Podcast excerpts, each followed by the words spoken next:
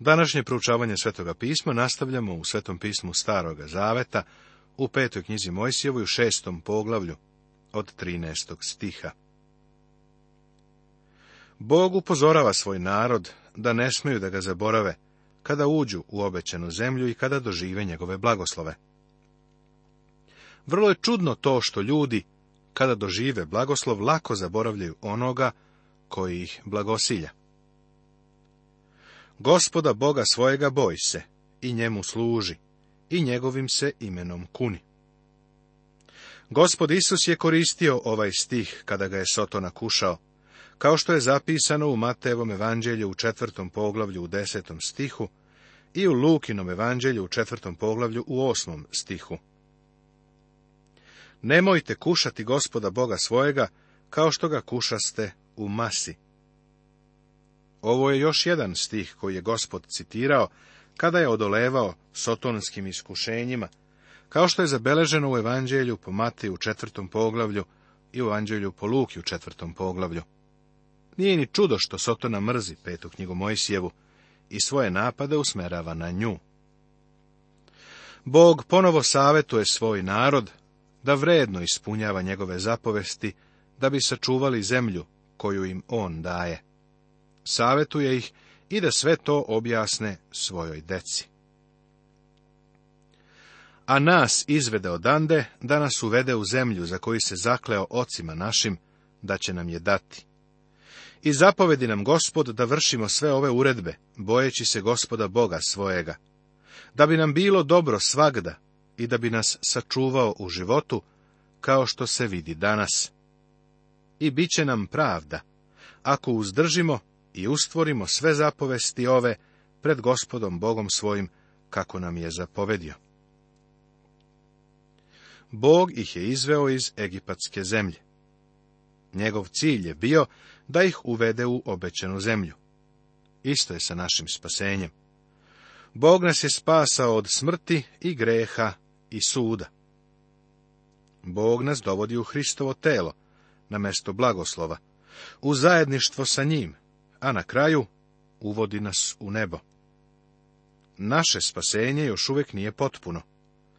Isus je bio predat za naše grehe i bio je vaskrsnut za naše opravdanje. Poslanica Rimljanima, četvrto poglavlje, 25. stih. On je naša pravda, pa zahvaljujući tome pred njim možemo stajati celoviti. On nas je izveo, on namerava i da nas uvede. Zbog toga danas možemo reći, spasen sam. Već imamo večni život. Već stojimo pred Bogom u svoj pravednosti i zasluzi spasitelja. I ovo je svedočanstvo. Bog nam je dao život večni i ovaj život je u njegovom sinu. Ko ima sina, ima život. Ko nema sina Božjega, nema života, kaže prva poslanica Jovanova, peto poglavlje. Spasavam se. Bog deluje u mom životu. Bog me oblikuje, vodi, menja da bih sve više bio nalik na njegovog jedinog, voljenog sina. Gradite svoje spasenje sa strahom i trepetom, jer Bog je taj što čini u vama da želite i da delate, da mu budete po volji, kaže poslanica Filipljanima u drugom poglavlju, 12. i 13. stih. Ovo nije trud i rad za spasenje, nego pokazivanje spasenja u našem životu. Biću spasen. Ne dozvoli da te ja razočaram, jer Bog još uvek svoje delo sa mnom nije završio. Ni ti mene nećeš razočarati, jer Bog ni sa tobom nije završio. Dragi moji, sad smo deca Božija i još se ne pokaza šta ćemo biti. Znamo da ćemo, kad se On pokaže, biti njemu slični, jer ćemo ga gledati onakvog kakav je, kaže prva poslanica Jovanova, treće poglavlje, drugi stih. Jedna fina gospođa je na jednom sastanku dala svedočanstvo i rekla da bi trebalo da svaki hrišćanin na leđima nosi natpis Ovo nije najbolje što Božija blagodat može da učini.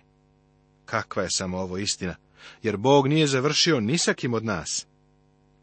Ali kad se On pokaže, bit ćemo slični njemu. Izrael treba da bude odvojen od drugih naroda. Kad te gospod Bog tvoj uvede u zemlju, u koju ideš da je naslediš, i otera ispred tebe narode mnoge, Heteje i Gergeseje i Amoreje i Hananeje i Ferezeje i Jeveje i Jevuseje, sedam naroda većih i jačih od tebe, i predaj gospod Bog tvoj tebi i ti ih razbiješ, potri ih, ne hvataj s njima vere, niti se smiluj na njih. Ovo je vrlo snažno i upečatljivo izražavanje. Seti se da je Bog rekao ne ubij. Ovo je zapovest koja se odnosi na ličnu mržnju i neprijateljstvo, na ono lično što vodi do ubistva. Jeverejska reč koja se koristi je racah. Ovde je narodu direktno zapoveđeno da uništi ove narode koji su živjeli u toj zemlji. Upotrebljena je sasvim drugačija jevrejska reč, caram, koja znači posvetiti se Bogu ili uništenju. Možda ti se ovo čini da je užasno. Liberalni hrišćani danas mrze Boga iz starog zaveta. Čuo sam kako je neko od njih Boga nazvao sileđijom. Ne sviđa im se ideja da Bog uništava cele narode. Bog također dalje i ovo govori.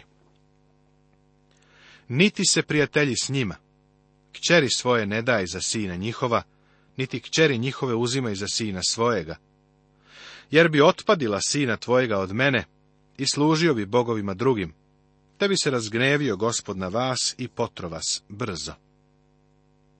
Ovde nalazimo razlog za Božju zapovest. Ovi narodi su bili izjedeni veneričnim bolestima. Da su se Izraelci sa njima pomešali putem braka, uništili bi im narod. Mojsije se nije mnogo razumeo u mikrobe bolesti, ali Bog o njima zna sve. Ovi narodi su bili tako zaraženi i iskvareni da ih je Bog isterao iz zemlje. I ne samo to. Ti narodi su bili idolopoklonici, pa bi i Izraelce zaveli u idolopoklonstvo. Zato Bog nastavlja i kaže im da treba potpuno da unište njihove oltare i da polome likove. Svi ti prljavi uticaji su se morali u celini uništiti. Bog vrlo ozbiljno upozorava Izraelce. Ako budu stupali u brak sa drugim narodima i okretali se drugim bogovima, onda će Bog njih isterati iz zemlje. Ipak, Bog Izraelcima vrlo jasno govori da je On Bog ljubavi. Ove zapovesti im daje zato što ih voli. Jer si ti narod svet gospodu Bogu svojemu. Tebe je izabrao gospod Bog tvoj da mu budeš narod osobit, mimo sve narode na zemlji. Ne zato što bi vas bilo više nego drugih naroda, prihvati vas gospod i izabra vas, jer vas beše manje nego i kojega drugoga naroda. Brojčano, oni nikada nisu bili veliki narod. Ne bi se mogli uporediti sa Kinom, Indijom ili nekim drugim velikim svetskim narodima nego što vas gospod miluje i što drži zakletvu kojom se zakleo ocima vašim. Zato vas je gospod izveo rukom krepkom i izbavio vas iz kuće ropske, iz ruke faraona cara Misirskoga. Seti se da je Bog u drugoj knjizi Mojsijevoj rekao da je čuo njihov vapaj, bolni jecaj. Odgovorio je jer ih je voleo. Iz tog razloga ih je oslobodio iz sveza i ropstva. On i dalje to ponavlja. I tako znaj da je gospod Bog tvoj Bog, Bog veran, koji drži zavet svoj i milost svoju do tisuću koljena onima koji ga ljube i drže zapovesti njegove. Kakav je čovekov odgovor na Božju ljubav? Poslušnost.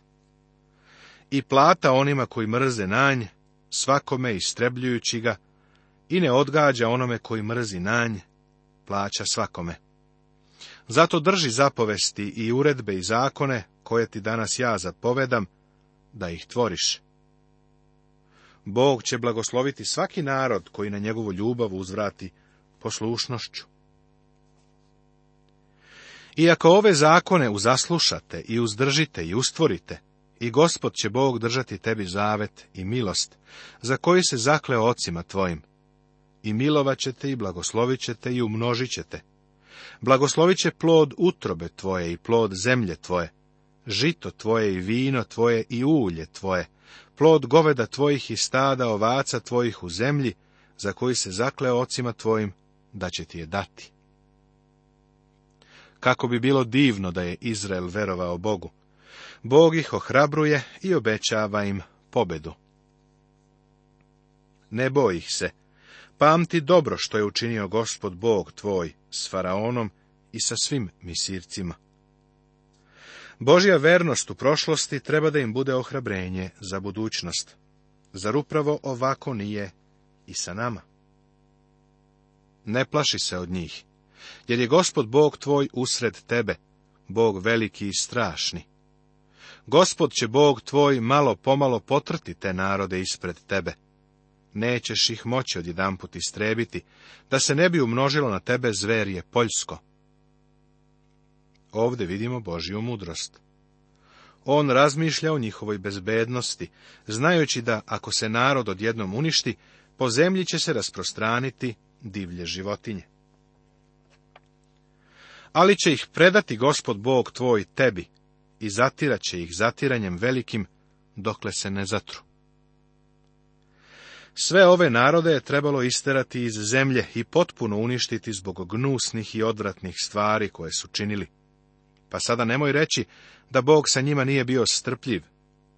Još tamo u prvoj knjizi Mojsijevoj u 15. poglavlju, Bog je rekao Avramu da se njegovi potomci neće vratiti u zemlju sve do četvrte generacije, jer gresima morejskim još nije kraj. Bog je ovim ljudima dao 430 godina da vidi da li će se okrenuti ka Bogu i odvratiti od svojih greha. Prijatelju, koliko vremena misliš da je trebalo da im Bog još da? Znaš li ili jednog drugog zemljoposednika koji bi svom zakupcu dao toliko dugo vreme da plati kiriju? Bog im je dao vreme milosti koje je trajalo 430 godina. Zatim se čaša greha napunila, i sud Božiji je pao na njih. Nemojmo gajiti pogrešnu vrstu sažaljenja prema onim narodima. Bolje bi bilo da iz ovih događaja izvučemo pouku. Bog jeste Bog milosti i ljubavi u starom zavetu, kao i u novom zavetu. Poglavlje osmo Tema Božije delovanje u prošlosti daje sigurnost za budućnost. U ovom odeljku, u kome se ponavlja zakon, dolazimo do dela koji se bavi religioznim i nacionalnim uredbama. Ova tema će se nastaviti sve do 21. poglavlja. Sećanje na prošlost treba da podstiče poslušnost. Držite i tvorite sve zapovesti koje vam ja zapovedam danas, da biste živi bili i umnožili se, i da biste ušli u zemlju za koju se gospod zakleo ocima vašim, i da biste je nasledili. Ovde imamo novu generaciju ljudi koji stoje na istočnoj strani reke Jordan. Spremni su da pređu preko, u obećanu zemlju, imaju velika očekivanja i nade. Dok ih Mojsije priprema da uđu u zemlju, podstiče ih da budu poslušni Bogu. I opominji se svega puta kojim te je vodio gospod Bog tvoj, Četrdeset godina po pustinji, da bi te namučio i iskušao, da se zna šta ti je u srcu. Hoćeš li držati zapovesti njegove ili nećeš? Bog želi da se narod seća prošlosti. Treba da vide kako je u prošlosti Bog delovao i radio sa njima, da ih je proveravao i obučavao. Bog želi da se i mi sećemo prošlosti. Apostol Pavle je to ovako izrazio za vernike uzdajući se baš u to da će onaj koji je započeo dobro delo u vama dovršiti to do dana Hrista Isusa, kako kaže poslanica Filipljanima prvom poglavlju šestom stihu. Treba da se sećemo da nas je Bog vodio i blagosiljao. Zar to nije istina i u tvom životu? Zar ne možeš reći da te je Bog do sada vodio? Ako je to činio u prošlosti, nastavit će da to radi i u budućnosti. Sećanje je za naše ohrabrenje. Treba da nam pruži sigurnost za budućnost. Zašto je Bog kušao Izraelce u pustinji? Da bi ih učinio poniznim i da bi im dokazao šta je stvarno u njihovom srcu. Ovo je i objašnjenje zašto Bog i nas propušta kroz, tako reći, mašinu za mlevenje. Ponekad nas stavlja u peć koju užari. Zašto? da bi nas iskušao i učinio pokornim i poniznim. Mali čovjek je ponosan, pravi se važan, pun je samopouzdanja i da budemo iskreni grozan je. Slušaj samo hvalisanje i razmetljivost i ponos sa kojim mali čovjek hoda ovom zemljom. Zato Bog mora da uzme svoj narod i da ih provede kroz mašinu, da bi ih učinio poniznim i da bi ih iskušao. Znaš Testiranjem se proverava metal. Testovi otkrivaju da li je neka osoba stvarno Božije dete. Naše crkve su danas pune ljudi koji nikada nisu bili iskušavani. Ne mogu reći da li jesu ili nisu iskreni. Iskušan čovjek je čovjek u koga nekako imaš poverenja. I mučio te je, i glađu te morio, ali te je opet hranio manom, za koju ti nisi znao, ni oci tvoji, da bi ti pokazao da čovek ne živi o samom hlebu, nego o svemu što izlazi iz usta gospodnjih. Gospod Isus je citirao ovaj stih kada je bio kušan u pustinji. U evanđelju po Mateju u četvrtom poglavlju i u evanđelju po Luki u četvrtom poglavlju je to zapisano. Da gospod Isus nije ovo citirao, verovatno bi nam promakla velika duhovna lekcija koja se ovdje skriva. Bog nam je bio dobar.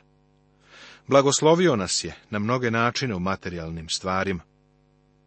Poenta je u tome da nam Bog te stvari daje da bismo uvidjeli da postoji duhovno bogatstvo, a to je Božja reč. Za Božje dete Božja reč je pravo blago i danas. Odelo tvoje neovečana tebi niti noga tvoja oteče za ovih četrdeset godina. Evo neobičnog, divnog, čudesnog iskaza. Zamisli samo da imaš deo garderobe koji nikada neće postati iznošen. Znam da se ženama ovo uopšte ne bi dopalo. Godinu za godinom žena ponavlja svom mužu da je treba nova haljina, a godinu za godinom muževi odgovaraju da ta haljina koju nosi izgleda sasvim nova.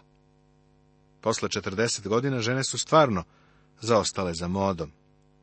Međutim, u pustinji se moda nije ni menjala, pa i onako to nije bilo važno. Sada ozbiljno, ovo je čudesno i divno. Niti noga tvoja oteče za ovih četrdeset godina. Jedan lekar, misionar mi je objasnio da su tamo na istoku, gdje je on radio u Aziji, ljudi imali jednoličnu ishranu. Nisu uzimali sve neophodne vitamine, pa su se kod njih pojavljivali simptomi bolesti beri-beri. Jedan od simptoma je bilo oticanje nogu. Vidiš, Izraelci su dobijali sve potrebne vitamine, dobijali su sve potrebne neophodne hranljive sastojke. Šta je taj narod jeo 40 godina? Pa jeo je manu. Bog ih je hranio manom, čudesnom hranom. Ona im je obezbeđivala sve hranljive sastojke koji su bili potrebni njihovom telu. Duhovna mana je Božja reč, ona je divna hrana. Zadovoljit će sve tvoje potrebe divim se pismima koja dobijama koja ovo potvrđuju. Neko od njih je rekao da, kada sam govorio iz određenog poglavlja, da je taj deo doneo utehu njegovom srcu. Neko drugi će napisati da je bio u grehu i da se udaljio od Boga, da je postao ravnodušan i hladan, a onda ga je taj odeljak iz Božje reči vratio. Neko će opet napisati da je slušao reč, da je doživao spasenje. Vidiš, prijatelju, nikako ti noge neće oteći ako čitaš Božju reč. Drugim rečima, sveto pismo će zadovoljiti pojedinačne potrebe kakve god da su. To je naša mana. Bog je obećao zemaljske blagoslove izraelskom narodu samo ako mu budu služili. Zato poznaj u srcu svom da te gospod Bog tvoj gaji kao što čovek gaji svoje dete i drži zapovesti gospoda Boga svojega, hodeći putovima njegovim i bojeći ga se. Jer gospod Bog tvoj te sada u dobru zemlju, u zemlju u kojoj ima dosta potoka i izvora i jezera, što izviru po dolinama i po brdima.